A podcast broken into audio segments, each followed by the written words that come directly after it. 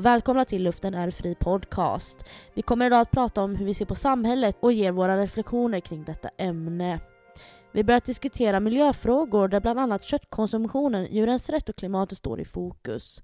Synen på social media och hur reklam används är en fråga som inte är särskilt belyst. Därför kommer vi att utforska detta i dagens avsnitt. Även skolan, lärare och elever är en central roll i vårt samhälle och idag ser vi större brister än någonsin inom skolan. Vad är skillnaden från när vi gick i skolan och idag? Skulle vi kunna tänka oss jobba som lärare? Och hur tror vi det är att vara ungdom idag? Detta och mycket mer i dagens nyheter. Jag menar, i dagens avsnitt.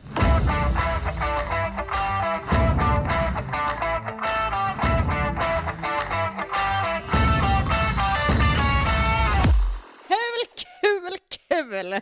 Hej och välkomna till dagens avsnitt! Av luften är fri. Jag tyckte det var väldigt roligt att få le leka lite nyhetsuppläsare uh, här. ja, det är väl ditt drömjobb att vara på radio och prata. Ja, eller TV. Fan vad skoj. Ja. En liten heads-up innan vi drar igång och pratar om uh, allt och vitt och brett och hit och ditåt så har vi en liten, uh, ett par tassar som kan springa runt på golvet så att folk... Anton är maskot idag, just so you know. ja, så hör ni någonting så är det han. Men eh, ja, nu är det ju idag den, vad är det, den 14 november. Ja, det är, eh, vad är det, är det fem eller sex söndagar kvar till julafton? Ja du, det är... Jag tror fem. Det känns som att det är snart i alla fall. Ja, det är helt sjukt. Ja, det är skönt. Jag kom på det idag att eh, det är 47 dagar till nyårsafton. Oj. Eller vad sa jag? Hur mycket sa jag? 47. Ja, det stämmer. Då sa jag det. och ni får ursäkta, för jag börjar bli sjuk, känner jag. Men jag kände det när jag kom hem från jobbet att uh, uh, det är något som inte riktigt uh, känns så bra i halsen här. Men vi får tro att det ger sig. Och ja, det är Anton som springer här i bakgrunden. Ni får leva med det. Annars blir det ingen podd. Nej, det är sant. Väldigt sant. Hur är det med dig Linnea då? Veckans spaning, finns det någon? Eh, både ja och nej. Veckans spaning eh, är ju eh, så mycket som så här då. Yes. Att eh, jag har väl typ tre saker att säga just spaningsmässigt. Och då är det ju för det första då det här med Lyko-öppningen som var i Stockholm. Har du sett det eller? Ja, men grejen är att jag har inte riktigt begripit. Har jag fattat det rätt nu? Om jag fattat det som att Lyko öppnat en ny butik i Stockholm vid Plattan. Ja. Och det var typ så här, de x antal första får en goodiebag för 3000 kronor. Mm -hmm. Och det är bara folk som köade aslänge hela natten och whatever. Det var 18 timmar de som köade. Och typ JLC höll i, var där och gästade, höll eller jag fattar inte. Nej, alltså jag tror att de var där som typ något typ av samarbete förmodligen med Lite dragplåster.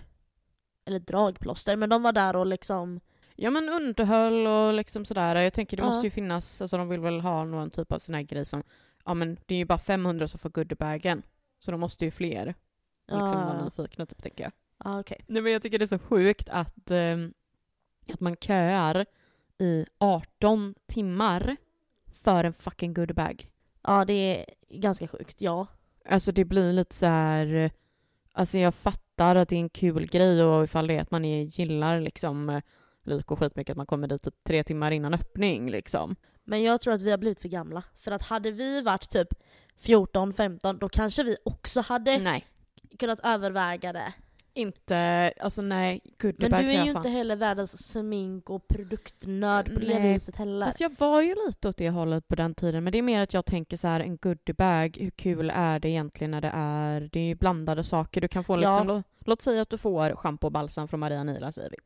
Det är bara det att du får ju schampo från en serie från märket och sen balsam från en annan del av märket. Liksom. Ja, ja och sen är det också så här att det är kanske också produkter som du ändå kan inte alltså, ha för att det passar inte din hudton om det är smink eller whatever, I don't know. Exakt. Nu är det så att min hund har ett ben som ligger under bordet, jag ska bara ta fram det. Wait a minute.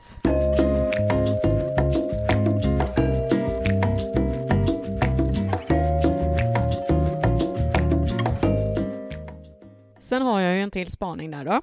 Eh, och det är också lite TikTok-relaterat kan man ju säga då. Du har ju säkert också sett det. Men eh, Peg Parnevik har ju släppt, eh, hon är ju med i Så mycket bättre, och har släppt en eh, version av, eh, ja, Bättre nu tror jag låten heter. Vet inte vem som har gjort den från början.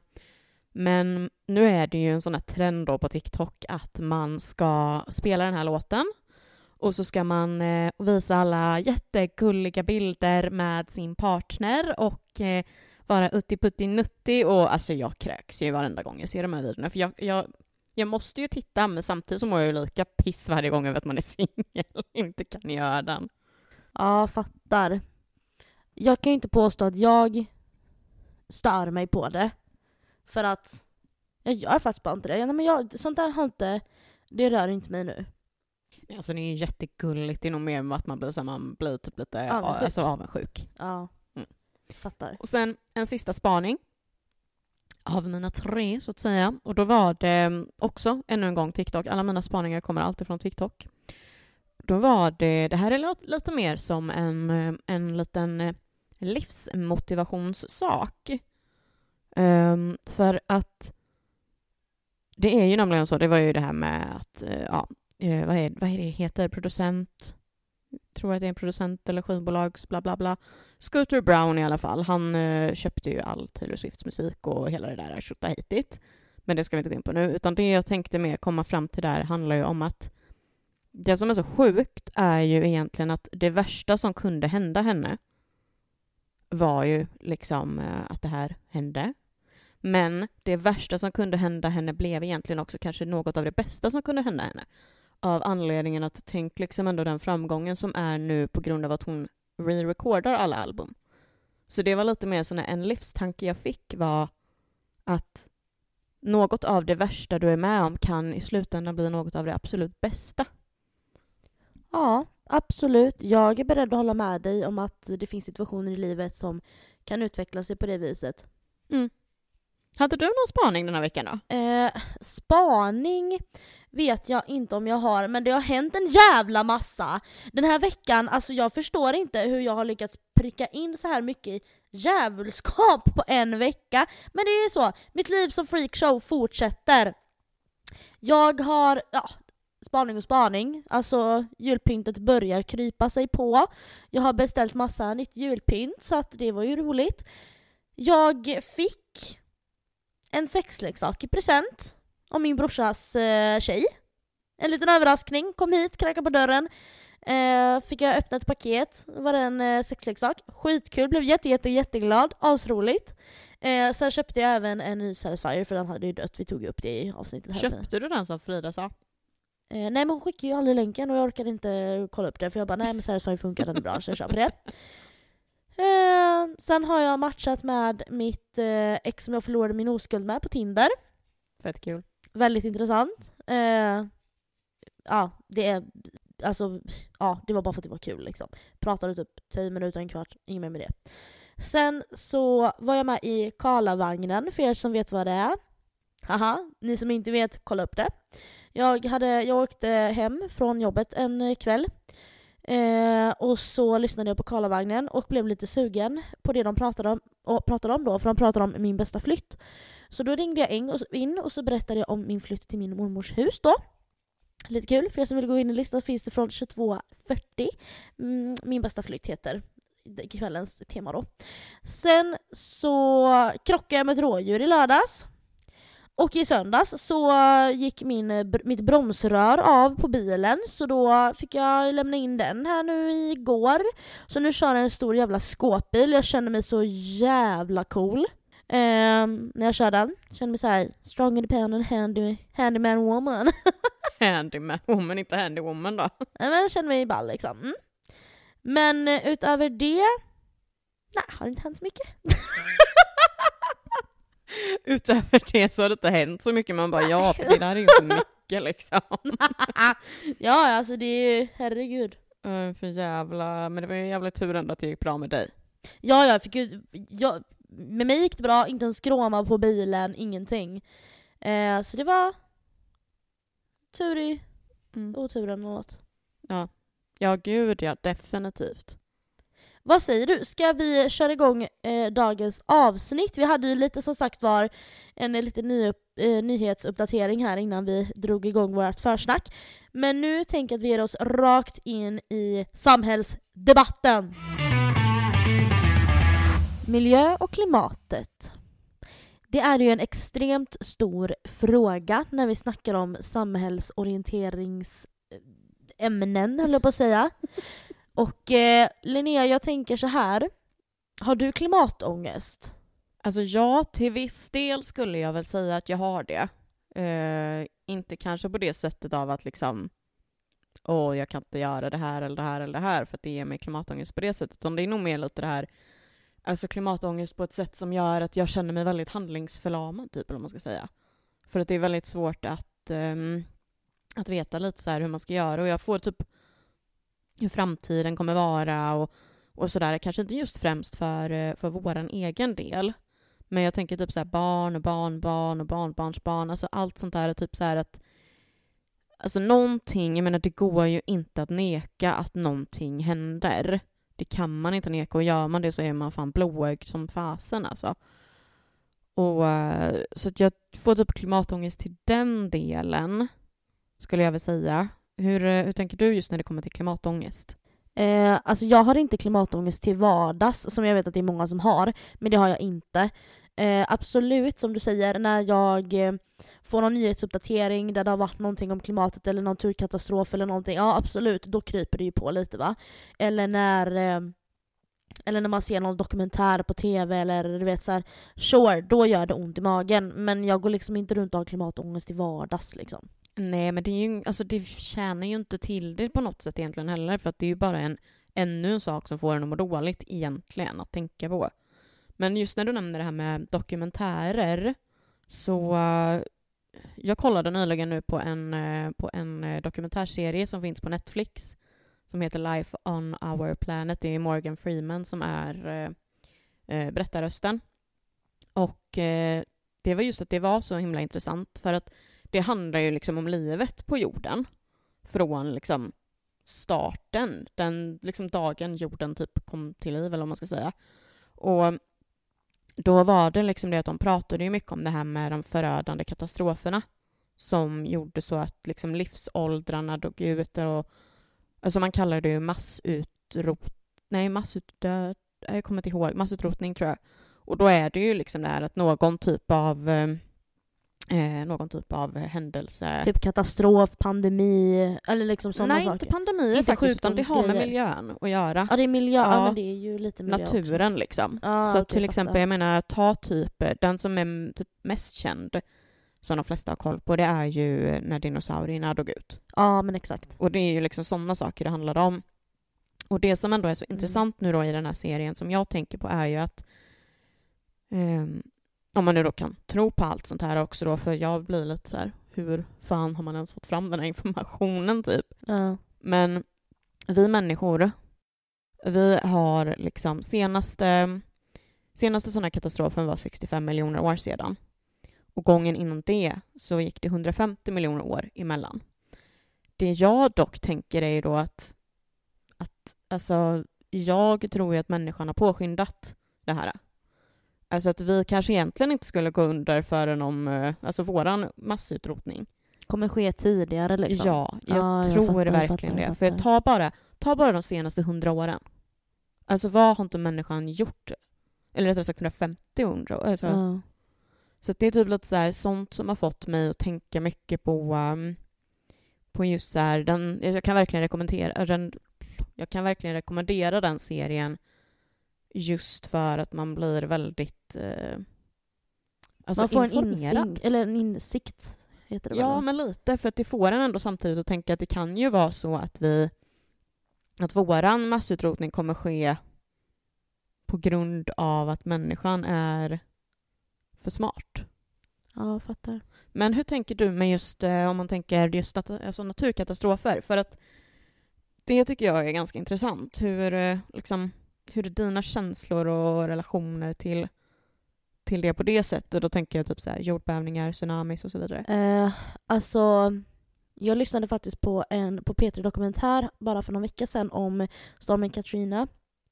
Och grejen är så här att och även igår lyssnade jag på mm, när Lisa Ankarman, eller numera Borg, gästar Spöktimmens podcast. De pratar om eh, tsunamin. Och grejen är att jag tror att man, man, när man lyssnar på det och sätter sig in i det så är det en, en annan en sak. Men när man bara ser på nyheterna så är det oj, vad hemskt. Och sen släpper man det. Asså? Ja men alltså, ja. Men, men det är ju för att du blir ju matad med, med död, katastrof och djävulskap dagligen numera.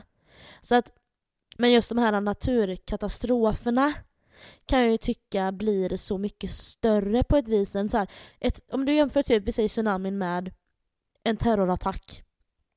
Eh, ja, då kan jag tycka att den liksom så här, naturkatastrofen på något vis, där blir man så himla mer förbryllad och förundrad och hemskt säga, men fascinerad över hur det kan bli så bla bla bla. Medan alltså att jag blir inte lika fascinerad av någon som, som trycker på en pistol liksom. Men just naturkatastrofer, alltså, det är ju så intressant också hur de uppkommer och alltså naturens krafter, vad de faktiskt kan göra. För vi är ju aldrig med om någonting här. När var vi med om någonting sjukt här i Sverige förutom värmebölja då? Ja, det var väl typ stormen Gudrun liksom. Ja, fast där, tänk då istället eh, nu här eh, i början av hösten, det som var Stenungsund.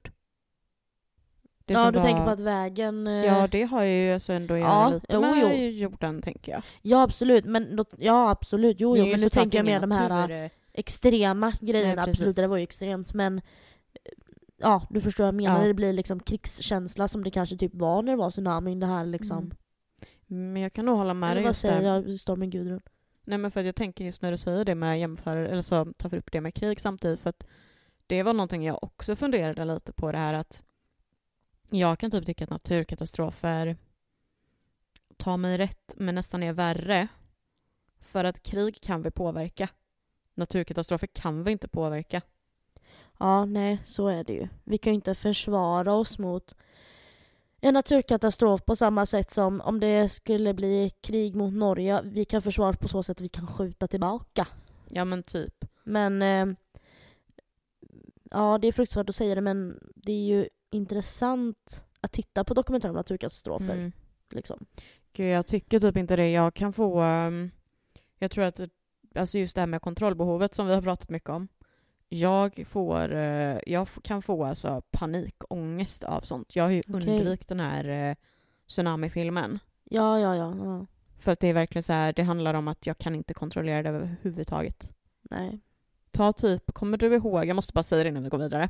Men kommer du ihåg jordbävningen som var i Japan, om det var 2010 eller 2011? Ja, jag kommer då, ihåg det. Då var det ju supermycket på nyheterna och de eh, rapporterar ju liksom livebilder från liksom kameror från butiker och hela alltet. Och just då när det skedde så var ju en eh, skolkompis, eller vad man ska säga, där på resa. Och jag kommer ihåg hur när man satt och tittade på det här och alltså jag, jag hade sån ångest och det gjorde så ont. Alltså jag satt och lipade men kunde inte sluta titta på nyheterna. Så mamma och pappa fick ju liksom komma in och bara men nu stänger du av tvn och kollar inte mer. För att de orkar inte höra mig liksom. Jo men alltså man blir ju påverkad av det man ser. Alltså det är klart att man blir, speciellt då om man vet att någon man känner eller sådär är där det sker. För då mm. blir det mycket närmare en själv liksom. Mm, det är sant, för det blir ju det. Men ska vi ta och eh, gå vidare på en liten annan fråga som vi satt och funderade på? En annan klimatfråga. Ja, för att då är det ju lite så här, tänker vi på miljön och vad gör vi? Alltså vad gör du egentligen för miljön Louise? Inte ett skit. nej men alltså Utveckla. på riktigt, nej men på riktigt, jag är, jag skäms ju för att säga det, men jag gör ju ingenting. Jag pantar, men det är för egen vinning.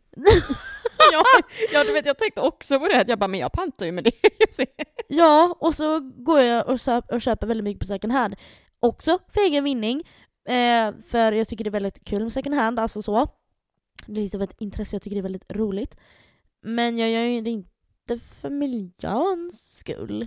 Alltså jag går inte aktivt bara, nej men jag kan köpa en sån här för miljöns skull, utan mera såhär om jag kommer tjäna pengar på att köpa det på second hand och köpa nytt. Tyvärr, alltså jag är en fruktansvärt vidrig människa. Och jag är den första som kan offra mig för att liksom springa in i tsunamin eller vad det nu kan vara om det skulle vara så. Men för att ni som har kämpat, ni, ni kan få hållas liksom, ni kan ta min plats liksom i räddningsbåten, jag fattar det. Eller jag tror inte man vill sitta i en båt om det är en sån här Nej men vad det nu än kan vara för någonting då. Eller ta min plats uppe i kokonötsträdet liksom. Ja. jag är den första att liksom offra mig. Ah, okay, För jag är, är inte Alltså jag är inte bra på det här med miljö. Alltså jag vet ju, jag kommer inte säga vad jag har gjort, men jag har, jag, jag har en dålig vana som jag konstant får höra, eller konstant, men jag får höra det ganska ofta ifrån en av våra tjejkompisar att hon hatar ju mig för att jag gör det här. Ja, det är det från uh, Ja, precis. och eh, ja, jag kan inte försvara det mer än att det handlar om lathet liksom. Och nej, jag kastar inte skräp i naturen, det är inte det. Men det är en annan väldigt... Du källsorterar inte? Nej, precis. Det mm. För att kan man ju lugnt säga att jag inte gör. Fast just när det kommer till källsortering, alltså jag är jättedålig på det också och jag gör det ju typ inte, men, men glas är jag faktiskt supernoggrann med. Det tar jag inte och slänger i vanliga papperskorgen. Vad bra. För det Louise. Nu går vi vidare, eller vad tycker? Ja. Vad jag gör, tänker du? Ja. Ja, jag gör ju inte speciellt mycket heller då. För Nej. att... Eh, alltså jag tror, förstå mig rätt nu kompisar, men eh, mil, alltså vara, jag vet att det här låter ju så jävla dumt, men jag anser ju typ nästan lite att eh, att vara miljömedveten och göra väldigt bra miljöval, bortsett från källsorteringen nu då, så är miljön lite av en eh, klassfråga kan jag tycka. Ja, samtidigt som jag kan känna att eh, om Kina inte skulle köra så in i helvete jättes mycket bilar.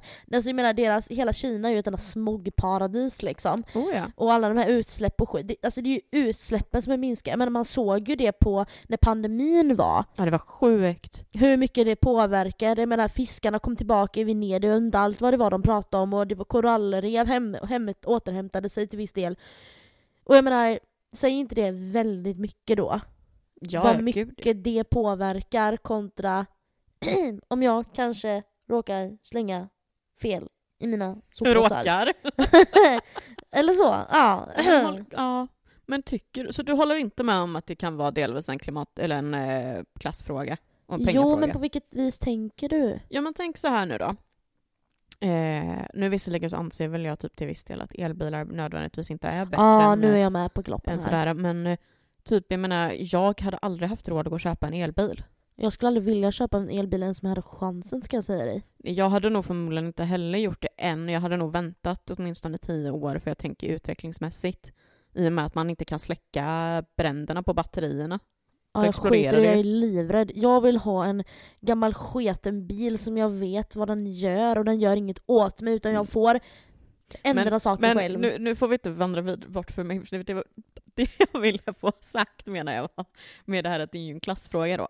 För att, men med elbil när den funkar bra är ju fortfarande mer miljömedveten än vad en dieselbil är. Ja, ja, så är det ju. Så då blir det ju klassfråga. Ja. Och typ så här, kommer man till kött till exempel, om man då är köttätare, ja men då kanske det är så att det köttet som är mer miljöval, det är dyrare. Ekologiskt, det är dyrare. Närproducerat är dyrare. Ja, det är, alltså det för de som har det väldigt, väldigt eh, knapert så men då kanske inte de ska äta kött om de värnar så mycket om miljön, utan då kanske de får ta och äta lite mer broccoli. Jo, men jag tänker mer, jag tänker mer generellt att vi, man måste ja, ju vi ska inte skoja bort det här. Vi ska inte skoja bort det här. Jag fattar precis vad du menar och jag håller med dig i det. Ja. Jag håller med dig i det Linnea, det men är det är ju lättare att skoja om det för att man tycker att det är svårt. Ja, jo men så är det ju. Och uh, alltså det har ju med allting att göra. Uh, om vi kommer in på nu det här med kött, mm. som du säger. Jag hade en diskussion med en, eh, en vän till oss som är jägare och även jobbat på bondgård. Eh, och han var så här, det här med veganer och eh, vegetarianer och sånt där, att det är bullshit om man gör det av miljöaspekter. Håller med. Nu, nu är det så här, jag ska inte jag kan ingenting om den här skiten, men, jag, men utifrån vad det jag har hört så låter det så här att det är bullshit om man gör det ur miljösynpunkt. För att allt det här du importerar för att göra substitut till kött eller mejeriprodukter eller vad det nu än kan vara, då fraktas det med flygplan från andra länder och sånt. Så då förstör ju det miljön i alla fall. Mm. Kontra om du äter en ko. Ja, alltså det har jag också reflekterat över mycket det senaste, för att det är ju typ så här Ja, kossorna de släpper absolut ut eh, metangaser och bla bla bla i atmosfären som inte är bra. Men precis som du säger, jag menar typ till exempel korn. Jag, jag gillar korn. Jag äter ju det för att jag vill ha ett kyckl äh, kycklingsubstitut. För att jag hatar att tillaga kyckling. Men korn är ju inte tillverkat i Sverige. Det är ju tillverkat i Storbritannien. Så det har ju fraktats hit. Så att alltså jag kan många gånger tycka att det här med kött versus um, uh, alltså andra typer av... Uh, Substitut liksom. Ja, precis. Att det här... Jag kan tycka typ så här att de som tjatar om att det är ett miljöval tänker ju inte rätt där. För ta typ, men ta typ så här. Ta för de som lyssnar som inte riktigt hänger med i vad vi babblar om. Ta nu till exempel så här, vi bestämmer oss för att nu ska vi sluta med eh, köttproduktion. Vi ska köra på havre. Vi ska ha havrebaserad, eh, alltså havrebaserade produkter. Okej, okay, absolut. Då, då gör vi så här då. Då behöver vi, vi behöver yta för havren. Vi skövlar skog. Ja, vad bra, skövla skog för det första eh, vi sår havren. Första året, aj då, det blev lite tidig frost där på våren. Hela skörden är eh, fackad. Så vi har ingenting. Nej, men till nästa säsong, då bygger vi, eh, då bygger vi eh, massa stora växthus istället. Så att vi dessutom kan ha det året runt. För man kan ju inte odla på vintern. För det kommer ju bara växa under en viss period. Okej, då bygger vi de här stora gigantiska växthusen som för det första då behöver el för att värmas upp stör djur och naturliv för att de här byggnaderna är höga, de är på stora åkrar. Förstår ja. du vad jag menar? Absolut, jag är med dig i det. Äh, det är, ehm, det är rörigt det där.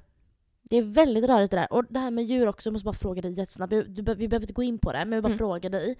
Just det här med djur nu då. Och också så här, det är väl inte en miljöfråga, men det har lite med veganer och sånt där att göra. För det finns ju en miljöaspekt. Sen finns det ju en aspekt att man är, tycker synd om djuren. Ja, det etiska liksom. Ja, precis det etiska. Och där kan jag känna att jag skiter i om vi äter kossor och ägg och sånt där. Även om jag är fullt medveten och jag får fruktansvärt ont i magen när jag liksom ser hur djuren behandlas på vissa ställen. Jag, jag vet det, jag är jättemedveten om det och så. Och jag tycker det är fruktansvärt. Jag försvarar det inte. Jag vet att det är dåligt av mig att så, äta kött och skit. Det är men, lika dåligt vad man än äter och vad man ja, gör. men då kan jag tycka att för min del så är det mycket viktigare att faktiskt in, att, köpa, att jag kan köpa veganska sminkprodukter och sånt. För det här med djurförsök, en side-note, vidrigt. Det finns ingen anledning till att ha liksom eh, använda saker som är testade på djur när det finns saker som inte testas på djur. Ja, Bara jag, kort, vad tycker du om det? Bara kort, kort, kort. Mm, nej men jag håller med dig. Jag, alltså, speciellt i och med att nu har ju faktiskt ändå, nu har vi ändå haft djurförsök. Alltså, ja, smink testat på djur och allt sånt där. Vi har haft djurförsök i så jävla många år, så vi vet i princip redan vad som är bra och vad som är dåligt för människan. Så då kan vi lika gärna slopa det nu då. Ja men det är för att det ska komma en bättre mascara, en bättre mascara, en bättre eh, hudkräm, en bättre... Ja, fast samtidigt då blir det så här...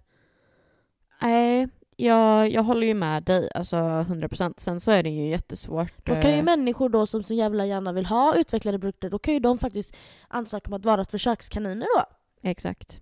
Ja men det kan jag hålla med om. Och det, alltså det är ju väldigt så... Uh, alltså det är som, men det är som jag tänker lite så att typ... Alltså djurförsök definitivt. Det, det håller man. Bort med det liksom. Men det som jag däremot bara tänkte på, som jag vill egentligen bara få sagt i det här eh, perspektivet om djur och miljön, det är egentligen det att jag kan tycka typ så här att ur ett miljöperspektiv så finns det inget som är sämre eller bättre egentligen, utan det är lika illa båda två. Just av anledningen att, ja i och för sig, tar du det från gården här bredvid, då är det ju skitbra. Men liksom bortsett från det, för att, att alltså allt produceras på något sätt och ibland så är det det etiska valet som är det sämre miljövalet och ibland är det bättre miljövalet det sämre etiska valet. 100 procent. Så hur man än gör så kommer det vara pest eller kolera. En stor fråga i dagens samhälle är ju definitivt det här med skola och ungdomar. Det är ju ganska stor diskussion om det dessutom just nu i eh, kommunen här hemma. Men hur är det egentligen nu då om man tänker med, alltså ska lärare få större befogenhet mot elever som beter sig illa egentligen? Vad tycker du Louise? Och hur tänker du? Jag tycker och tänker extremt mycket i den här frågan. Eh, eftersom att jag jobbade med, eh, eller på högstadiet, sjuan till nian. Och där fick man väldigt mycket eh, reflektioner. Men först ska det sägas att den första juli 1958 var det slut med agan i skolan. Då infördes ett förbud mot kroppslig bestraffning eller kränkande behandling. Definitionen av vad som är kränkande behandling behöver vara solklart tycker jag, vilket det inte är idag. Alltså en elev kan inte ha rätten att känna sig kränkt för precis allting, eller minsta lilla liksom som en lärare gör. Om en elev stör eller beter sig illa mot sina klasskamrater eller sin lärare på, på så sätt att en lärare måste in, alltså ingripa, då måste det vara såklart vad läraren får göra och på vilka sätt som läraren får agera. Det är inte rimligt att barn ska få styra på det sättet som de gör idag i skolan. De vet alldeles för, my alltså för mycket om sina rättigheter. Va, va, va, vad tycker du om det? Jag håller ju rakt av med dig att, uh, att det är helt sinnessjukt hur man slänger... För jag tycker ju det handlar ju om att man slänger med ordet kränkt. Ja, något fruktansvärt. Det är ju liksom... Uh, för jag tänker typ till... Um, om jag drar ett exempel från när jag själv... Eller inte exempel, men om jag drar liksom referens till när jag också jobbade i skola, i, och då var jag ju i skolåldern i ett par år. Vad var det för års?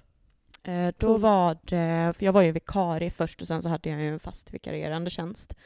Och det här var ju då i ja, men tre år och då var det främst då den sista tiden och då var det från sex år upp till tolv år. Ja, det var liksom låg och mellanstadiet. Ja, men precis, låg och mellanstadiet. Och det är så illa redan där. Det är ju det som är så sjukt för att där kunde det liksom, det var ju inte lätt att veta vilken väg man kunde ta. För att det märkte man även på liksom de som faktiskt var fastanställda och utbildade lärare. De hade många gånger händerna bakbundna för att de inte alltså, kunde göra saker. För det var nästan lite så här, barnen kunde göra vad det, alltså nästan i princip vad de ville utan att behöva stå till svars för det. Föräldrarna kunde skär, alltså skälla på pedagogerna och pedagogerna får bara stå där och ta all skit utan att ens kunna säga någonting. För att berättar de bara sanningen av att ja, men ditt barn gjorde så här mot ett annat barn, det är inte rätt. Ja fast hur vet du att mitt barn gjorde så? Mitt barn skötte sig så himla bra här. Ja fast nu var det det här som hände. Nej, det här är inte bra. Det Nej, och sen, lägger, sen, har jag, sen uppfattar jag också som att många eh, föräldrar lägger också över ansvaret på skolan. Ja men det är, det är eran, ni, ni, ska se till att mitt barn gör det den ska och bla bla bla. Ja fast om ditt barn beter sig som ett rövhål mm. och inte, ja men, ja men på riktigt alltså om din unge liksom beter sig och inte kan liksom hålla hålla sig från att liksom skrika och gapa och störa och hålla på och springa runt. Ja men då, då kanske det också är så att du får ta ett snack med ditt barn hur man beter sig i skolan. Ja, för jag tänker också typ så här, alltså är det det att faktiskt är så att man får höra ofta att ja, men ditt barn har idag gjort sig eller så. Och sen händer samma sak ofta och regelbundet. Då behöver man ju titta på det. Sen så något jag tänker på nu när vi ändå sitter och pratar om det, det krävs ju fler resurser också. Det får man ju understryka. 110 procent och det kan inte nog understrykas. Nej, och jag tänker många gånger, alltså många gånger är det ju faktiskt så att um, att barn är bara barn.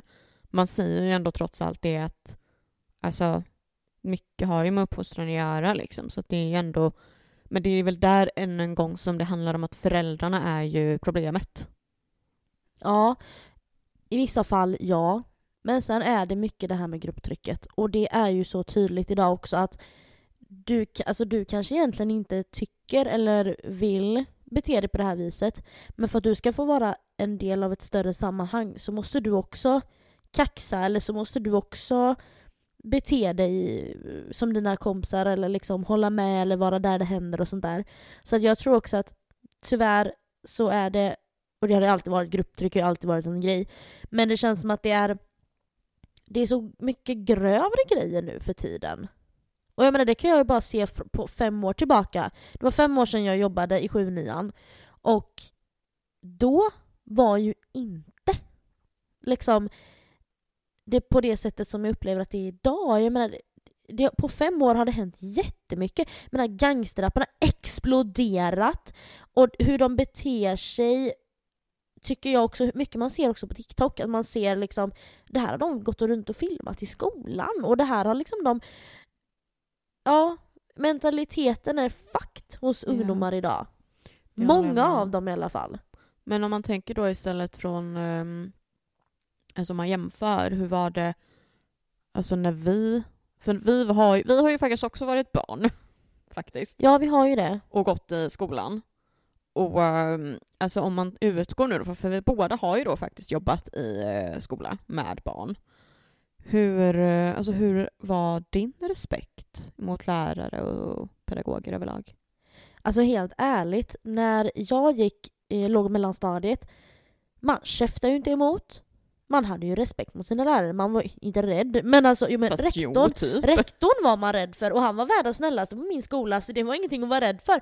Men han var rektor. Man käftade inte alltså. Nej. Och även lärare, jag menar man visste att liksom så här, man kom upp sjuan till nian, att man kunde säga att "Ah, hon dum i huvudet, jävla äckliga lärare, om det var någon man inte tyckte om. Men det skulle man ju aldrig säga i klassrummet. Man kunde ju snacka hur mycket skit som helst om lärarna utanför klassrummet, men man käftade inte mot dem och man betedde sig inte illa. Det var, det var, det var liksom inte... Eh, alltså visst, det fanns eh, så elever omkring en, eller så klasskamrater som kunde vara tykna. Men det fanns ju ingen som sa liksom men jag ska knulla din mamma, ö", du vet och såna här grejer. Eller, sa liksom, eller kunde liksom eh, hota och trakassera liksom lärare. Det hände ju inte. Nej. Nej Det kanske var med dig. en gång på eh, tre år som det hände en sån incident liksom. Och då blev det värsta pådraget, polis kom och allting du vet. Mm. Men Ja, det var ju inte tänker. dagligdags liksom. Men samtidigt så är det att det händer nog för mycket så de kan ju inte komma direkt då. Vad sa du för något? Alltså det händer ju så ofta så att man kan ju inte liksom göra på samma sätt säkert längre. Nej, nej, men så det, och det är det jag menar att utvecklingen har ju verkligen stört dykt. Och jag fattar inte riktigt. Eller jo, vet du vad? I'm gonna blame this on the gangster rap. Nej, men alltså på, på riktigt, jag tror att det är en jättestor del för det influerar ungdomar att det är coolt att bete sig så här och att liksom glamourera att vara en gangster och vara liksom kaxig och ha attityd och att liksom våldskapital är någonting man vill ha och såna här grejer. Tyvärr alltså. Ja, alltså jag vet inte. Säkert. Alltså jag tänker typ så här varför jag inte vill säga rakt ut att ja men det är gangsterrappens fel. Det är typ Nej men det är en stor del i det. Jag säger inte att det bara Ja. det är klart att det är parametrar men ja, jag tror att det är eh, en stor del utav det. mycket möjligt. Men vad hade du respekt mot dina lärare? Var du en kaxig liten snorunge? I skymundan kanske jag var en kaxig liten snurrunge. Nej men för att jag hade alltså jättemycket respekt för mina lärare, åtminstone upp till typ sexan. Um, sen på högstadiet så var det ju väldigt varierat, för mycket berodde på om läraren kunde sitt ämne och var bra på att lära ut. Men det var ju fortfarande det att man var ju inte elak upprätt mot dem liksom. Um, dock bortsett från, jag tror att jag har sagt det någon annan gång i podden, men det var ju en lärare som, um, var vår engelska lärare i sjuan som jag blev så jävla irriterad och arg på. Men så säger jag ju, jag tror ju att jag säger det tyst, men så säger jag ju ditt jävla pumpahuvud. Usch, det var det värsta jag hört. Ja men det är lite elakt. Nej, men alltså grejen är ju den att han var ju ganska orangehyad. Och hade orange hår. Orangehyad? Hårig menar du? Nej alltså han var liksom orangefärgad. Jaha! Donald Trump? men typ. Nej men så att det var väl typ mer så här. Men det handlar ju mer om att det är inte det att det är någon liksom alltså någon grov förolämpning så, utan det är mer själva grejen av att det är en förolämpning. Ja, ja, och det ja. sa man ju inte till sina lärare. Nej, nej. Men sen tror jag typ så här, eller jag vet inte om det kan vara därför, men min tanke är att jag tror att varför man hade så, eller varför jag i alla fall hade så mycket högre respekt för mina lärare i låg och mellanstadiet var ju också just det för att alltså lärarna där hade man från det att man började liksom. Det var, Ja, ja, visst. det var ju ingen, ingen större, man bytte inte lärare varje år. Man Nej, hade nej, nej. samma i typ tre år eller något. Ja, absolut. Och sen att föräldragrupperna, eller alltså föräldrarna hade ju mycket närmare kontakt med varandra för att jag bodde ute på landet och allt sånt 100 där. procent.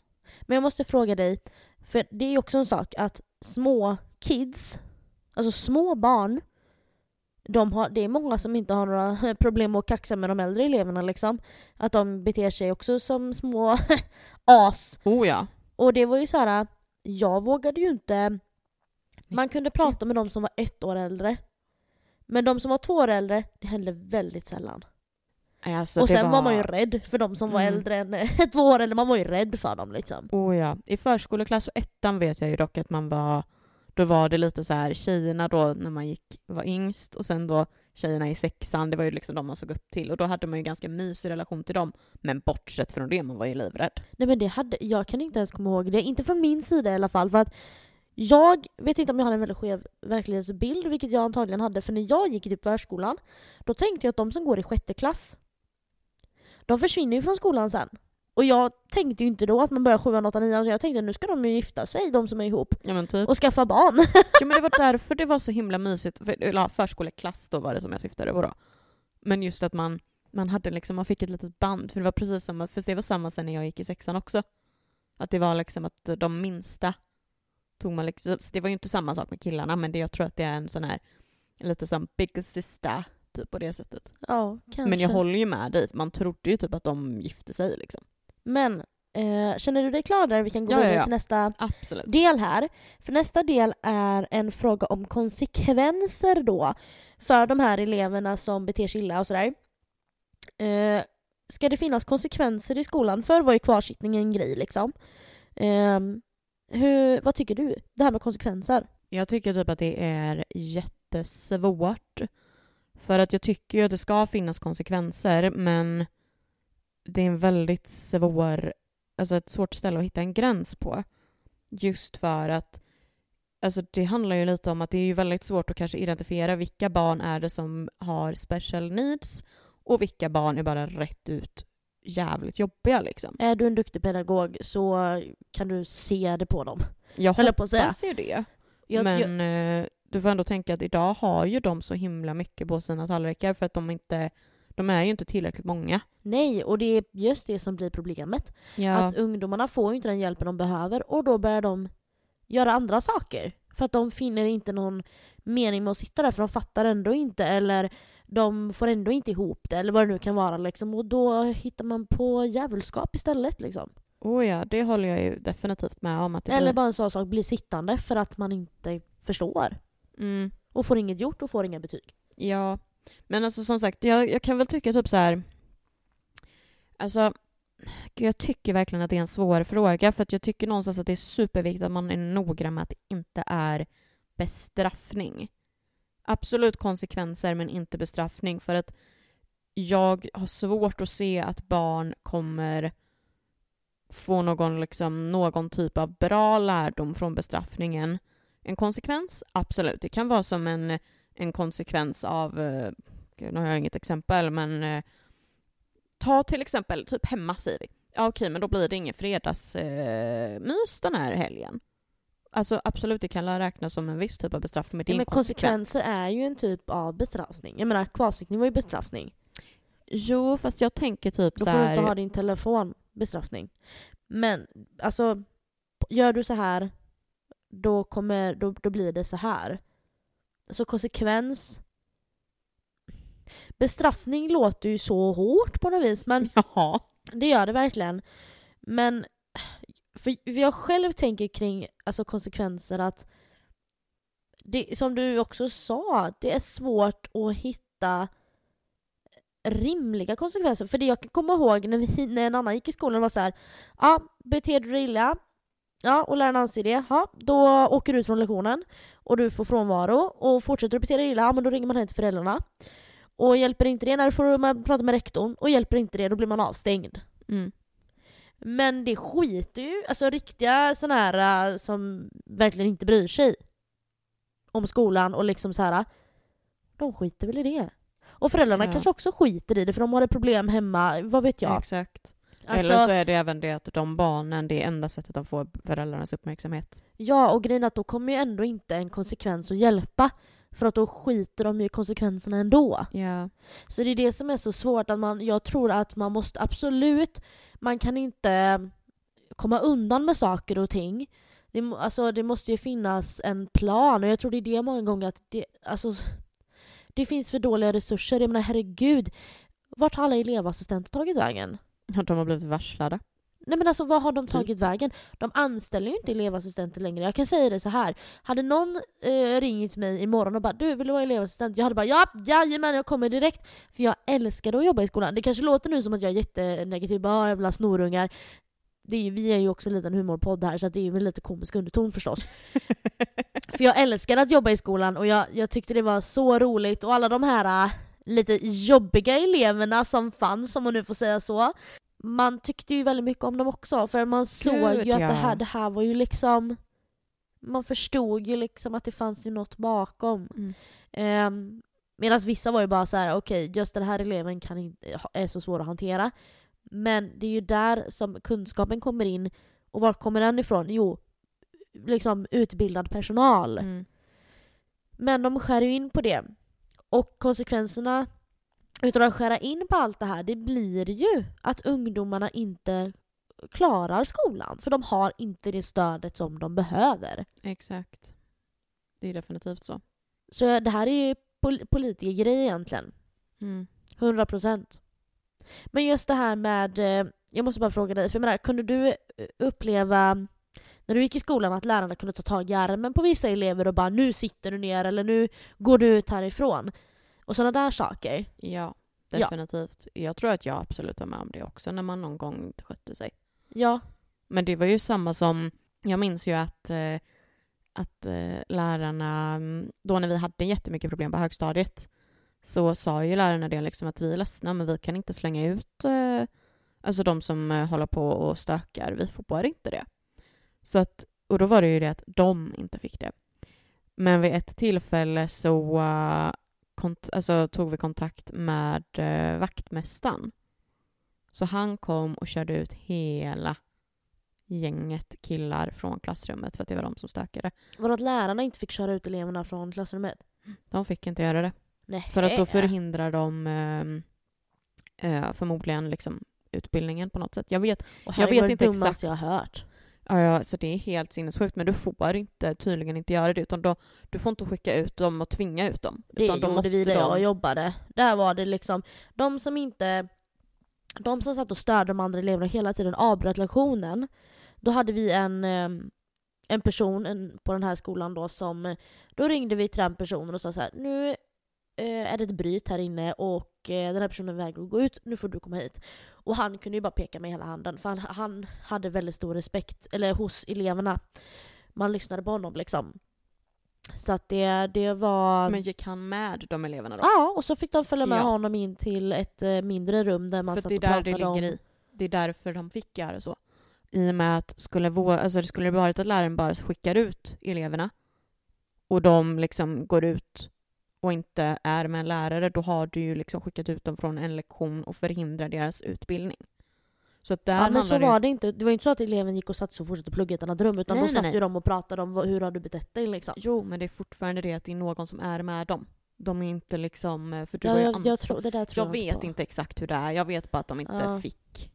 Man fick inte göra Men om, det. vi, men om du hade barn idag och eh, så kommer din unge hem och säger att ah, eh, matteläraren eh, eh, tog mig i armen och, och skrek på mig idag. Hur skulle du reagera som förälder? Jag hade nog satt mig ner med barnet och eh, pratat om det och försökt vara så lugn som möjligt och eh, komma fram till vad det är som har hänt. För att uppenbarligen så har ju mitt barn gjort någonting om det faktiskt är så att en vuxen har reagerat på det här sättet. Ja. Men sen så hade jag ju även såklart velat prata med läraren för att jag vill ju fortfarande veta den personens sida också från det hela. För barn ljuger ju. Ja, Så att jag, hade, jag håller med dig där, man hade absolut hört på versionen. Och sen hade man ju ringt och kontrollat det med läraren. Liksom, det här och det här, kommer, vad, vad var det som hände egentligen? Ja. Liksom. För att det där, jag skulle vara okej med att eh, läraren eh, alltså, faktiskt tar tag i min unge om den beter sig illa och sådana saker. Om det är det som får den att liksom haja till. Sen ska du aldrig dra och slita en unge och skrika på ett barn, det är ju absolut inte bra. Men jag kan förstå att till och med vuxna kan tappa det. ja, Ja, gud, Men ja, det fast är samtidigt... klart att då kanske det är väldigt framprovocerat under väldigt, väldigt, väldigt lång tid. ja, Det är ju en sak, men du ska ju kunna ha metoder att kunna hantera sådana situationer, kan man tycka ja, för det var det jag kände när du sa det med just det med att skrika. Att, alltså, hade det varit att det inte hade... Alltså, låt säga att det här var första gången det här händer och jag även får höra att läraren har skrikit på mitt barn. Då hade jag faktiskt reagerat, för jag anser att, att kommer det från ingenstans, då hade jag blivit väldigt så ja fast absolut, mitt barn har gjort jättefel, men du ska inte stå och skrika på barnet i klassrummet. Då får du prata. Och funkar inte det så hör av dig till mig istället. Ja. För att jag tycker oavsett att skrika inte är okej. Och sen ska jag säga att vi hade, det här var ju, vi kanske gick i tredje, fjärde klass eller något. Och då hade vi en kvinnlig lärare. Och så hade vi en kille i klassen som var ganska jobbig. Och det drog igång oss andra också. Så jag vet att det var vid något tillfälle då vi alla mer eller mindre höll på. Vi lyssnade inte och det var liksom så här. Och den här personen sprang runt i klassrummet och kastade pennor och det var ja, ett jävla liv liksom. Och då vet jag att hon bara tappade det. Du vet, jag kommer ihåg hon ta- tog den här sudden du vet som man suddade tavlan med. Kastade den i golvet och bara Nu får det vara bra! Du vet och bara skrek för full hals och alla vi bara "Oj!" Vi blev ju som det ljus tycker jag typ är allihopa. en annan sak. För då är det hela klassen. Ja, ja men precis, det, Det är kan jag- absolut det är en helt ja. annan sak. Det är ju Eh, inte okej, samtidigt som, men det är ju mer okej, eller vad man ska säga ja men alltså det, det måste vara så svårt att vara lärare idag. Skulle du kunna tänka dig utbilda till lärare? Jag ville faktiskt bli lärare en ganska lång period. Men eh, sen så, för att jag kan typ helt ärligt själv tycka att jag är ganska pedagogisk när det kommer till kritan. Um, och jag tyckte det var väldigt, väldigt uppfyllande att få se barnen när de lärde sig. När man verkligen såg att alltså, jag lyckades komma igenom. Men jag hade nog inte gjort det av anledningen att eh, att eh, det är ett väldigt utsatt yrke, kan jag nog nästan tycka på ett sätt. Ja gud ja. Hot och Du då? våld idag liksom inom skolan är ju mycket, mycket mer utbrett. Ja, du då? Inte lärare, men jag hade- absolut kunnat utbilda mig till någon form av socialpedagog eller specialpedagog eller någon typ av eh, hjälpresurs i skolan för elever som har det jobbigt liksom. Mm. 100%. För det var ju det lite grann man blev på något vis kände jag när jag jobbade i sjuan. Jag var ju lärarvikarie och elevassistent. Och man märkte ju det att eleverna kom ju till en för att man var heller inte lärare. Nej, exakt. Utan att man var en annan person, bara en trygg vuxen. Om man nu får kalla sig själv vuxen då, men ja, på något vis va.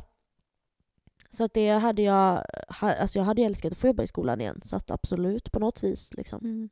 Telefoner och teknik i skolans värld. Ja, vad tycker du Louise om det? Alltså, gud vad jag låter konservativ, men jag tycker ju inte att eh, data är bra om den hela tiden får vara uppkopplad på nätet.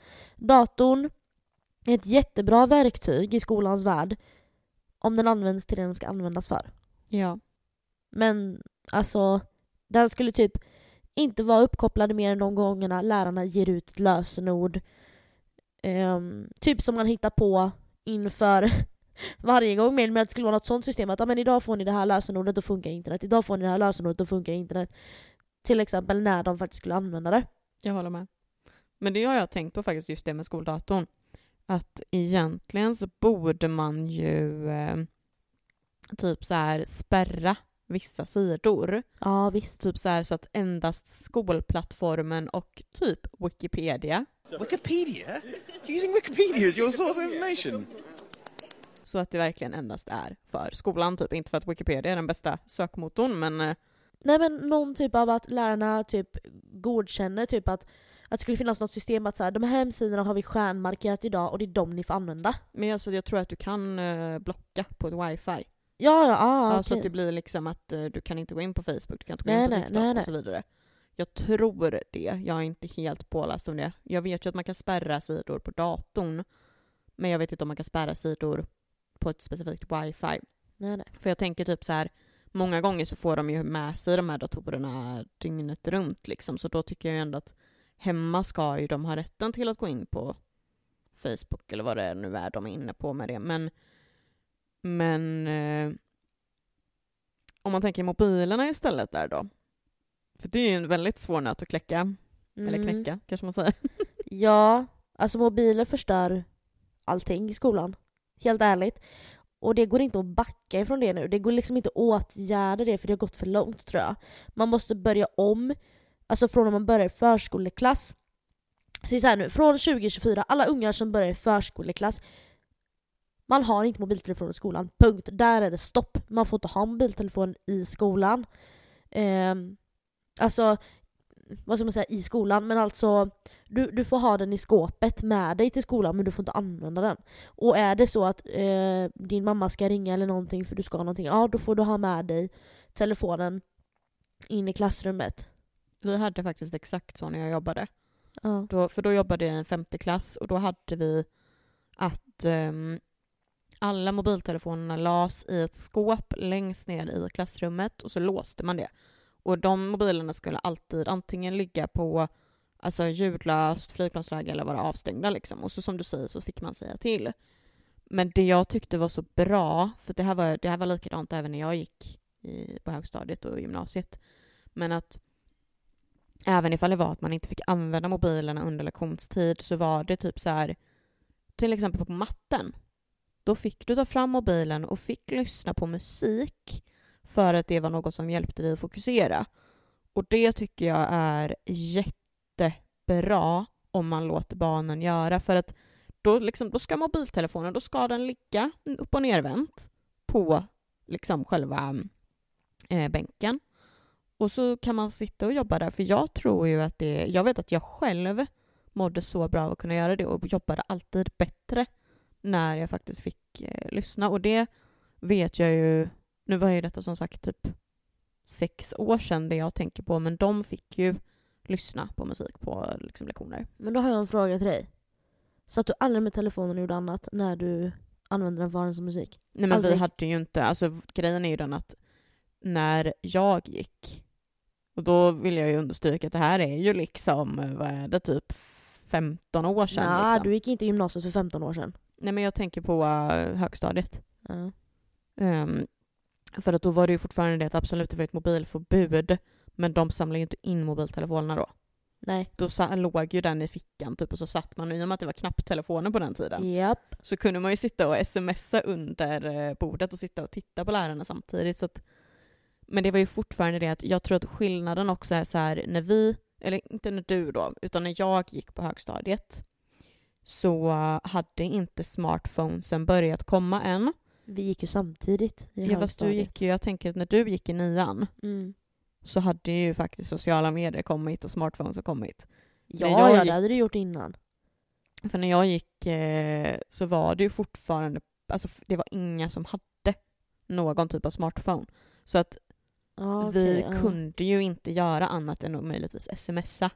Vilket gjorde att då var det ju fortfarande inte det, för vi hade istället det som vi liksom eh, typ terroriserade med var ju digitalkamerorna. Ja, Man fotade ju allt liksom. Så jag tänker mer att det var ju mer på gymnasiet som det började bli för min del, alltså då 2011 och framåt, för att då kom ju sociala medier på mobiltelefonerna. Ja. Men det, är just det här mobiltelefoner, alltså så här, jag...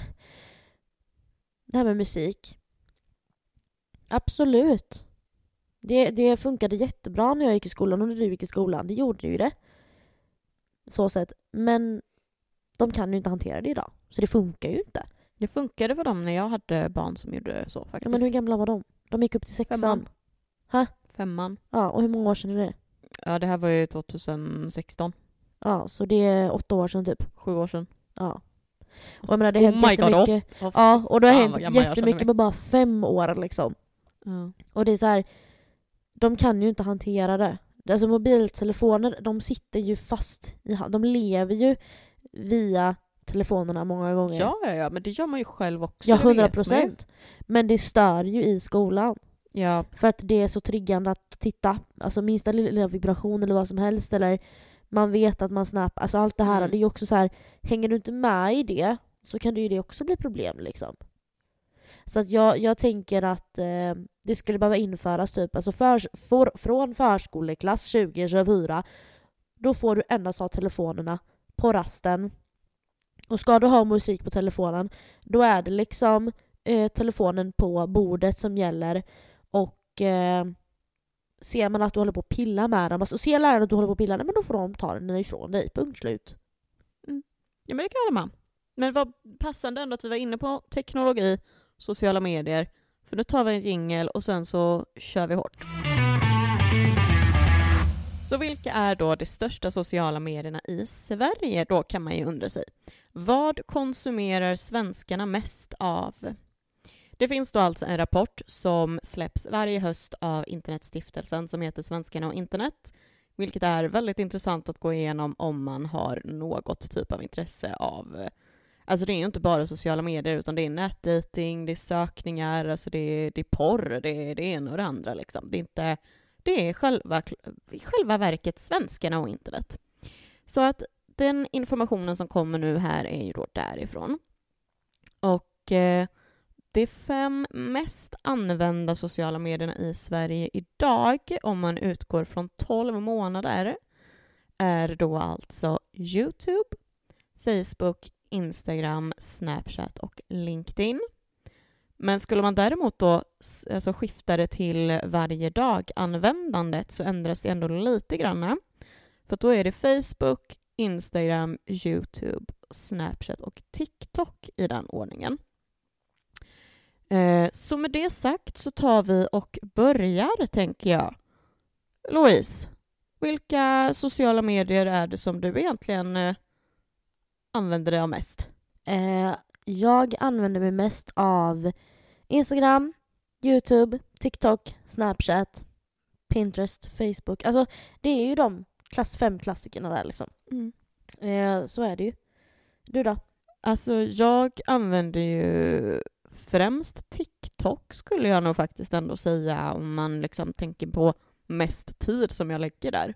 Åh oh, gud, det gör jag också. Ja, men det är Alldeles för mycket tid på TikTok! Ja men alltså det är fruktansvärt. Du vet att du kan ju kolla på mobilen hur länge du har varit på varje app. Kan inte du kolla det åt mig sen?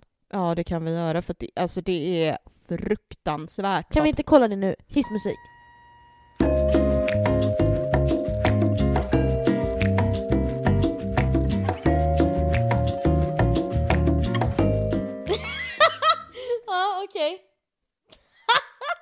Då var Oj! vi... Oj! Oj, ja okej. Ja, som ni hör så har vi precis tagit en liten snabb kik här innan vi eh, innan jag berättar här om mina sociala medier. Men eh, Louise, berätta för oss då. Hur mycket tid lägger du på TikTok per dag? Nej men alltså så här. Oftast använda appar är TikTok, Youtube och Instagram sju timmar och två minuter på TikTok. Inte på en dag väl? Nej, men det står bara här, alltså så här, det är väl genomsnitt då, alltså mycket, alltså, eller något. Inte fan vet jag, det står mest använda appar.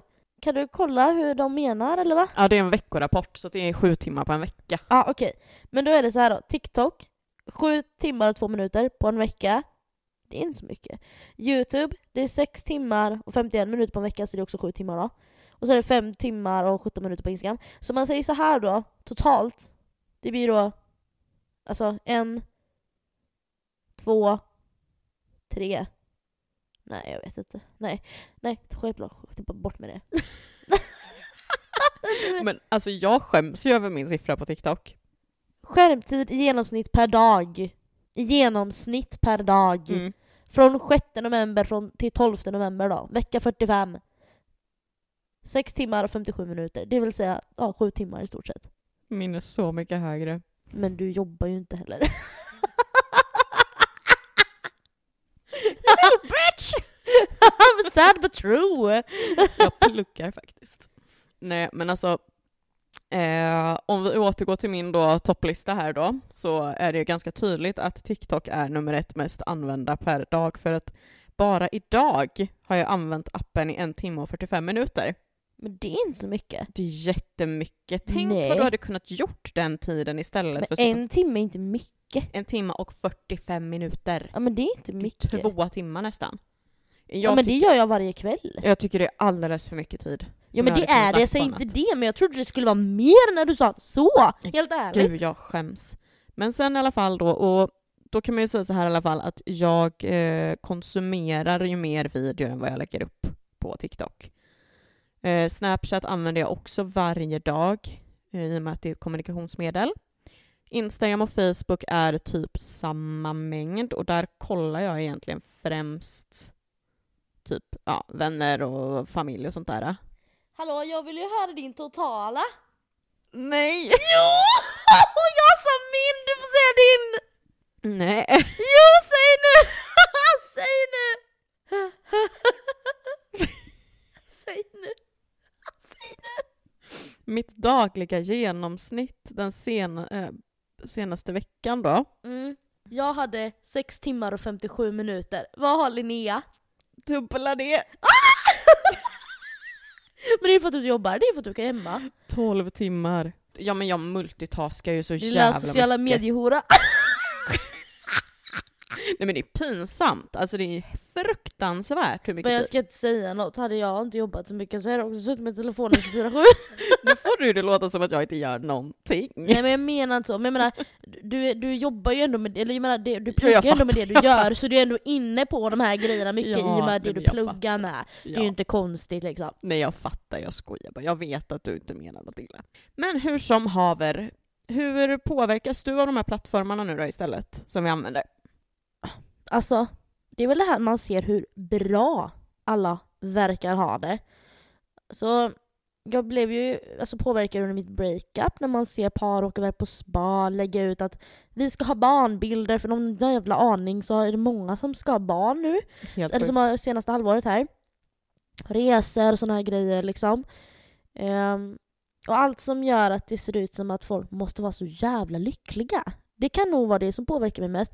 Det här med kropps och utseende och sånt där, ja men det, det, är, det är ju så eh, det är som det här med krig och djävulskap, att det rinner nästan av mig mer nu för att man är så van vid det. Men just det här att man blir påverkad av att se hur alla andra har det. Eller verkar ha det. Eller åh, de är så duktiga, varit och tränat och de ska visa upp eh, att de har lagat myx, lyxmiddag ihop och ja, vi har så mycket vänner, jag åker med mina vänner på det här och det här och det här.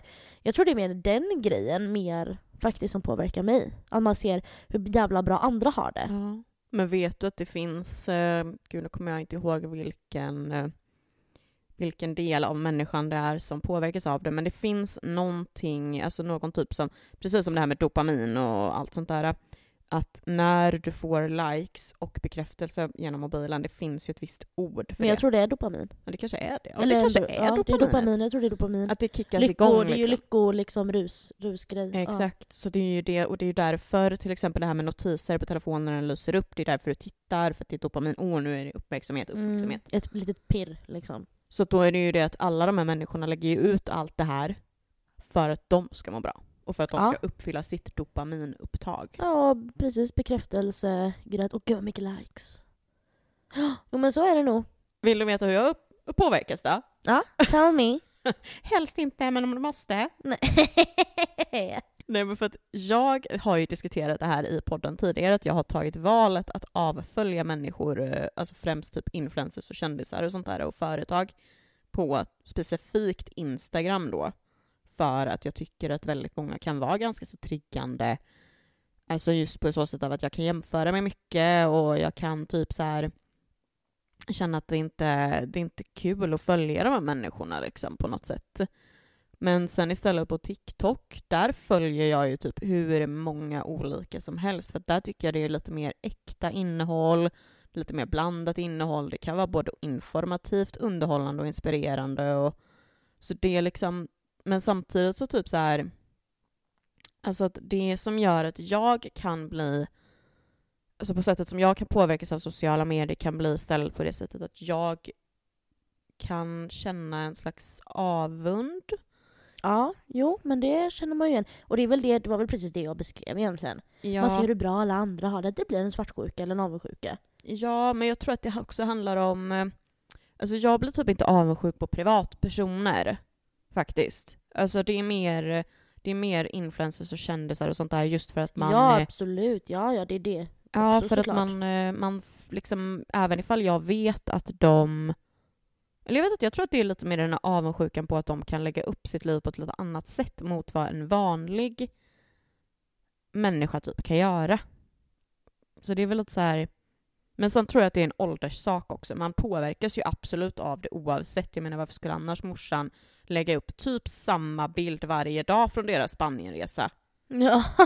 Liksom. Det är ju, alltså, I mina ögon så ser det ut som samma bild men i olika vinklar. Min morsa har ju upptäckt det här med Facebook-händelser nu senaste året. Oh, är så, nej. ja, men det är så fort vi gör något, ah, men jag skulle ta en bild in, till händelser! Mm, exakt. Så nu outar jag henne lite där, men, men jag tycker det är roligt att hon gör det för då får jag ju se när hon är ute och gör saker och ting. Ja. Jag tycker det är roligt, jag gillar det. Ja men jag håller ju med. Jag tycker- stöttar alla liksom 45 plus morsor, kör hårt för fan! Ja, ja men självklart. Men ska vi vandra vidare lite? Det gör vi. För att då tänkte vi faktiskt gå över lite till eh, och prata mer specifikt om influencers faktiskt. Eh, och för att dra en kort förklaring för er som eh, tror er veta vad en influencer är men som kanske ändå inte vet. Så är det faktiskt så att det här är ju då ett yrke inom marknadsföring och egentligen rakt av så att man man eh, jobbar med samarbeten, man är innehållskreatör som det heter. Man skapar alltså då foton, videor, lägger upp på sina sociala medier och gör reklam för företag. Men för att också då bibehålla då det här så måste de även uppdatera om sina egna liv för att annars så kommer de inte ha folk som bryr sig ett skit om dem. Så skulle man kunna säga. När vi var tonåringar så var det ju inte lika mycket med Instagram och TikTok och allt det där utan då var det ju egentligen bloggar. Och det var ju alltså bloggarna var ju typ dåtidens influencers kan man ju säga. Följde du några? Tre stycken slaviskt. Tre stycken slaviskt bara. Ja, det var inte mycket. Jag upptäckte det, det var en tjejkompis som visade mig på skoldatan när jag gick i typ det var femman, sexan. så upptäckte jag ju Alexandra Nilsson, då Kissy. Och eh, följde henne. Inte slaviskt från början men det kröp på. Och så var det ju Joakim Lundell, dåvarande Jockiboi. Åh, kungen av Tylösand. Följde honom slaviskt. Och även hans dåvarande ja, flickvän Hanna Widerstedt. Ni som kommer ihåg Hanna Widerstedt, Mm. vi ska göra en, vi måste, ju, vi måste ju göra en sån här grej på Instagram sen ni kan gå in och rösta på vilka ni kommer ihåg. Hanna Widerstedt, det, det är den största fascinationen jag hade när jag var tonåring tror jag. Ja men alltså det, hon är ju fortfarande fascinerande. Vi måste typ prata reality någon gång alltså. Ja det får vi göra. Får- Du, men det, det var mina, det, det är liksom that's it. Du då? Alltså jag hade ju en hel radda, men sen var det ju lite mer att de byttes ut periodvis, men jag följde dem ändå slaviskt liksom. Men Alexandra Nilsson då, som du också nämnde, hon, eh, alltså hon följde man ju liksom slaviskt, alltså det var ju, men vad fan, hon la ju upp content konstant liksom, som var dram, alltså draman hela tiden. Och henne följer jag ju än idag och har gjort för att jag tycker att hon är så jävla rolig och hon är, hon känns äkta för att hon, alltså hon doesn't give a shit liksom. Men i alla fall då, bort tillbaks till då. Eh, Desi. Kommer du ihåg henne? Brydde mig inte. Nej, så du kommer inte ihåg? Kommer ihåg men... Alltså jag kommer ihåg, hört namnet men... Ja. Ja, hon, jag vet inte ens vad hon gör idag om jag ska vara helt ärlig. Sen Pau följde man ju också innan hon var med i PH. Hanna Licious, och det är ju idag Hanna Friberg. Andrea Hedenstedt.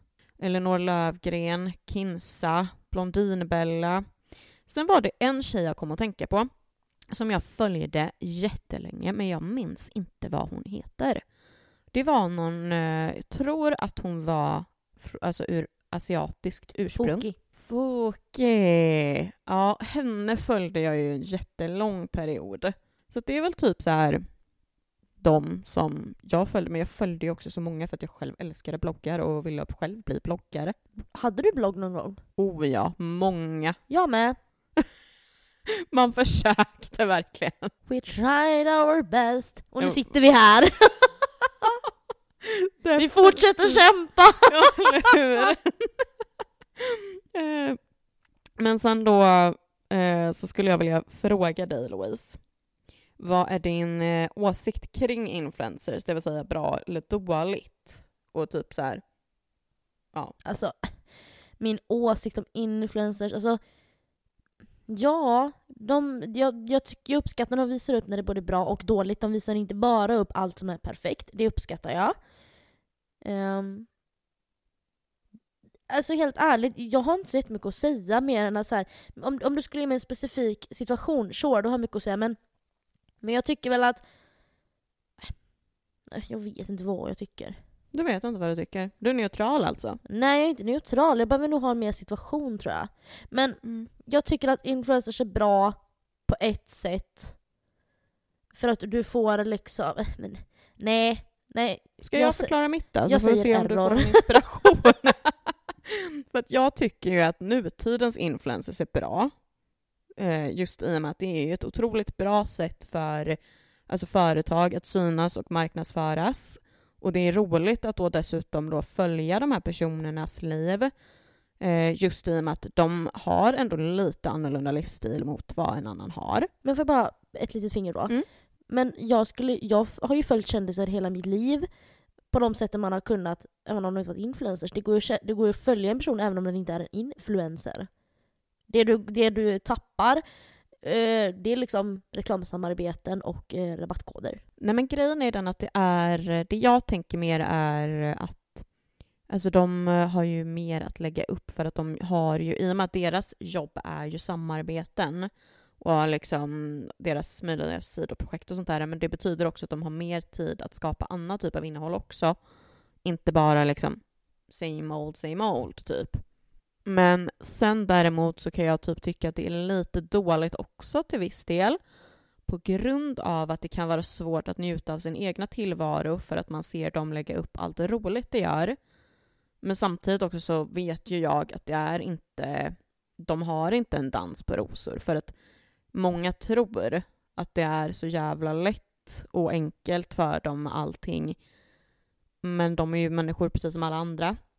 För det var det jag också skulle vilja kolla lite med dig, just det här med eh, alltså vad tycker du? För det är ju faktiskt så att själva influencer har ju fått en väldigt dålig klang. Vad tycker du och tänker? Har du någon åsikt eller ska jag säga mitt? Men det är väl lite som jag sa det här till dig jag sa det med kärlek, men sociala medier-hora.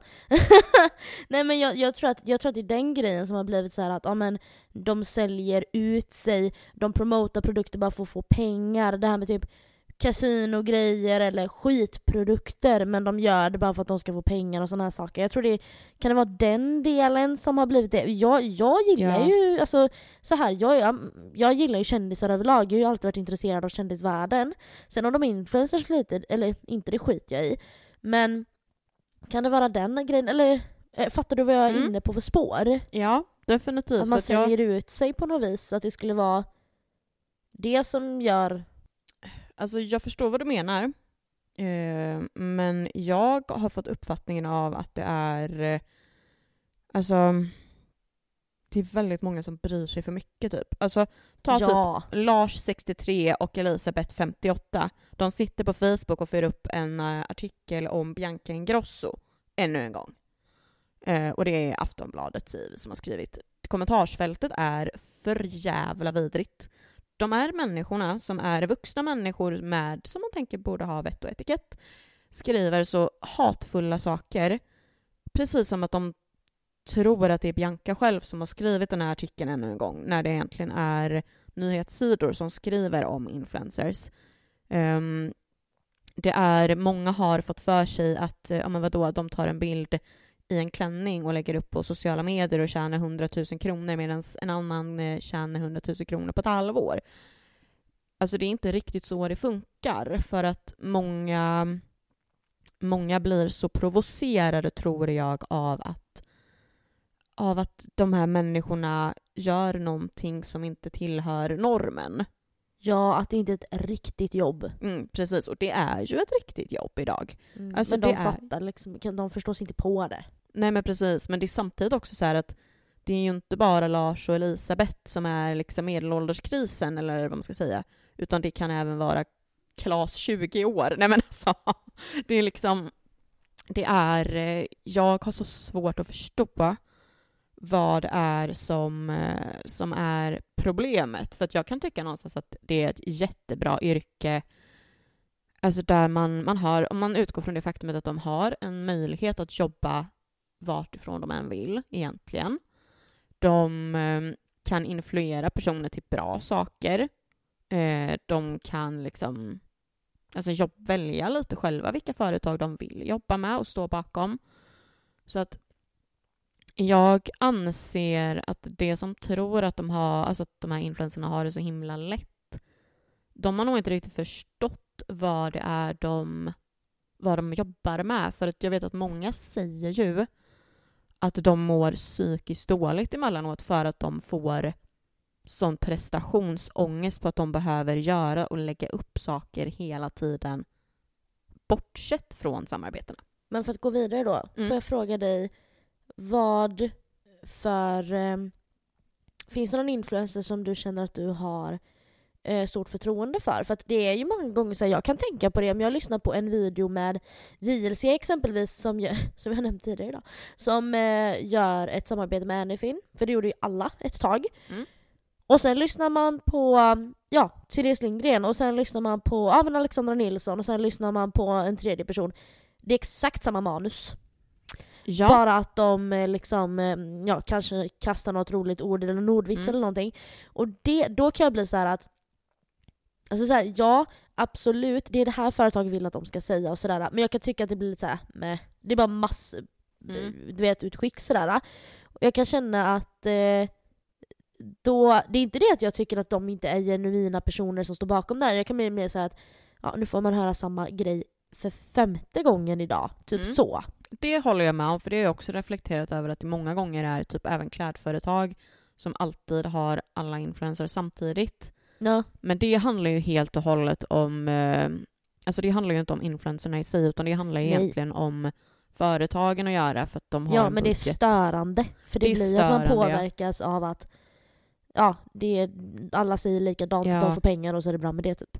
Ja, men, men får jag fråga dig då, finns det no någon eh, sån där som du eh, har liksom ett extra förtroende för? Ja du, jag vill, jag vill bara säga snabbt där innan vi går vidare, för jag tänker jag vill ändå understryka det att det som är med de här företagen som har samma manus på alla, det kan vara att kravet är att de måste säga det.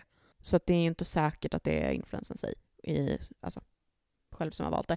Men just när det kommer till trovärdigheten där, alltså jag blir ju inte så influerad till att shoppa överlag eller företag så. Så att nej, alltså, alltså jag typ men om man säger så här, finns det någon som du skulle lyssna på och ta råd av? Eller och kolla en produkt. Alltså, ja. Säg att du kan kolla på den här personen som promotar en produkt eller den här personen som promotar en produkt. Vem hade du känt mest liksom, förtroende för? Fattar du vad jag menar? Alltså jag skulle nog faktiskt ändå säga, nu när jag, för jag kommer att tänka på det själv, att jag har ju faktiskt handlat från den sidan som hon har promotat. Så det är ju Victoria Eklund. Så att hon skulle jag, hon känner jag att jag, men jag tror att det på något sätt också är för att jag tänker att hon är ifrån Alingsås. Ja. och lite sådär... Lika eh, barn leka bäst. men typ, nej men alltså så jag, jag tänker att det är väl typ lite sådär, men samtidigt också eh, våran kompis, hon eh, visade mig Margareta Gräs. Hon, oh ja, I like that girl. Uh, hon, för hon lägger ju upp ganska mycket smink. Nu tittar jag, är jag ju inte så sminkintresserad så, men hon lägger även upp lite annat innehåll. Genuin, hon säger en produkt är ja. skit och det gillar jag. Ja, jag kan tycka att det är... Eh, jag själv kanske inte liksom på något sätt kopplas till det, men jag gillar att hon är så ärlig. Ja, men det, ja absolut. Mm. Har du någon som ja. du tänker på? Alltså jag har ju eh, Helene Torsgården. Jag har älskat henne sen jag upptäckte henne. Och eh, det är många år sedan, alltså det var liksom när hon började själv, liksom, jag har följt henne sedan start. Och eh, mer i vissa perioder, mindre i andra perioder. Men hon är genuin. Det är tack vare henne som jag börjar med mina årsböcker. Som jag har. Eh, och även Therese Lindgren. För att jag vet att hon inte skulle promota skitprodukter idag. Så att eh, det är väl de två som jag känner har mitt förtroende högst. Och har väl haft det egentligen längst också tror jag. Ja, men hur är det då om man tänker istället då typ så här för att det handlar ju fortfarande i grund och botten om samarbeten som de gör. Finns det något som du eh, alltså känner verkligen big no-no som du inte tycker är... Alltså vad, vad tycker du går gränsen vid ett samarbete? Alltså jag kan tycka att eh, när det kommer till, eh, ja men absolut typ skönhetsoperationer, rabattkoder på kliniker och sånt, det är liksom, behöver jag ens säga mer. Men sen tycker jag också typ sådana här piller och eh, mm, läkemedel eller så, men det här med typ CBD-olja och sånt. Jag kunde ty jag, jag bryr mig inte så mycket så sett men jag kunde tycka att det var lite gränsfall kanske. För det fanns ju vissa influencers som eh, tryckte på det väldigt mycket en period. Eh, så. Och jag kan väl tycka att det kanske var lite gränslandet kanske? Inte för att jag tycker illa om dem, jag menar herregud, jag, Rask är ju ett jättebra exempel, Karl Fredrik Alexander Rask. Han har ju följt slaviskt från början också, älskar honom. Men, ah, jag kunde väl tycka att, ja, vet fan. Ja. Men, ja. Du Mm. då? Nej men alltså, jag tänker ju typ först och främst att Alltså nätkasinon, Ja, ja absolut. Ja, du tänker Mm. så stort. Ja, verkligen. Det- men det är ju också någonting jag känner att det kasinon, alltså kasinoreklam överlag kommer vi få prata om i ett framtida avsnitt. ja, det får vi göra. Och även alkohol och tobak. Ja, för att där finns det mycket att snacka om. Men jag är jätteanti just nätkasinoreklam från influencers, för jag tycker att det är, det är ju något som är så lätt att bli beroende av. Sen, jag gillar inte heller när eh, influencers eh, eh, gör reklam för skönhetsingrepp och sånt här. Men däremot så tycker jag ändå att det är bra att de är öppna med att de gör det. Absolut, Och, men en jävla skillnad på att vara öppen med det och man får följa någons resa så kontra att vill du också förstora dina läppar eller vill du också skära av en bit av din näsa? Ja men här har du en rabattkod på Mm. 5%! Exakt. Ah. Men- Jag gillar dock att det har varit vissa som säger typ så här ehm, eh, om du känner att du verkligen vill göra si eller så så rekommenderar jag ändå den här kliniken för att gör, de gör jobbet Återigen en bra. helt annan sak. Och det Men det är inget samarbete, det är ju det. ja, men, ja, men jag tycker Nej. ändå att det, ja, men det är skillnad. För att, att rekommendera någonting, det är skillnad att kontra att eh, här får du en rabattkod av mig, Ja, för att det är mm, mer ja. lockande att göra det för år billigare. Det, det är en helt annan sak tycker jag. Ja. Det, jag tycker det är en helt annan sak. Mm. Ja, men då, då var vi på samma sida. Jag uppfattade ju fel. Jag var ju först, men nu börjar hon säga emot. Jaha, nej nej nej nej. nej. Men däremot så tror jag ju faktiskt att det är en ganska stor skillnad på idag mot vad det är tio år sedan just när det kommer till trovärdighet faktiskt bland influencers.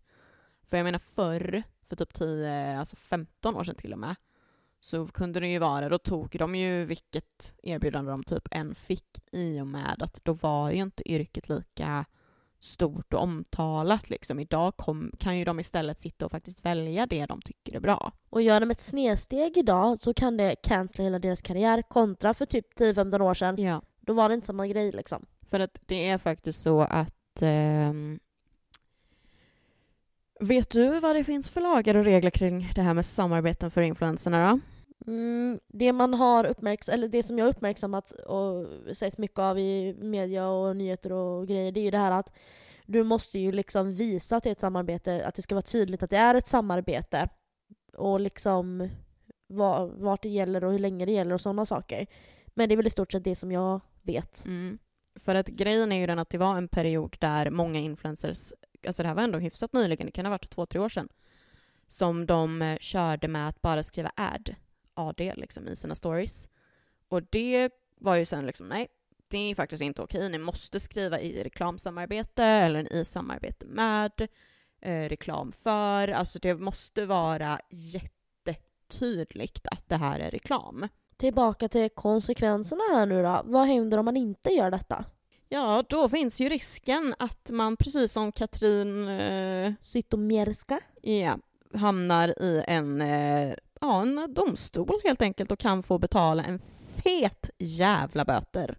Det är böter liksom det handlar om, det Mm. vite eller böter ja, okej. För att det var någonting med, nu är jag inte superinsatt och dumt nog så borde jag väl kanske ha kollat det innan, men jag har för mig att det var ett reklamsamarbete som hon nu gjorde nyligen här med Cleaner, tror jag det var. Eh, och det blir ju även att när hon då gör missen att markera att det här är reklam och någon, för det här handlar ju om att det är någon som har eh, gjort en anmälan på det här. Och så tar eh, typ, ja, vad är det de heter, ombudsmannen upp det här i domstol och de blev fällda och jag tror att de fick en böter på 1,2 miljoner eller någonting. Men eh, så att det, det jag vill säga innan vi avrundar är så här. Om du som lyssnar mot förmodan är sugen på att börja jobba med innehåll på sociala medier så är det så viktigt att du har koll på regler och lagar. Eh, var medveten om att om du får en produkt skickad till dig gratis som du sedan ska lägga upp en bild på på story eller liknande, markera det med reklam. för att slippa då den här feta böten. Och sen är det också otroligt viktigt att vara införstådd i att den produkt du får från ett företag kommer du att få betala skatt på då det räknas som lön och du kommer då alltså få betala en viss procent av värdet på produkten till Skatteverket. Och Det är därför det är så otroligt viktigt att du åtminstone kräver en summa som täcker upp skatten på, på produkten. Detta var veckans avsnitt av Luften är fri podcast. Vi tackar för att ni har lyssnat idag och på återseende. Hej då! Hej då! Puss och kram skumman! Oh my god, lägg av! det Kliar i min kropp! Ah!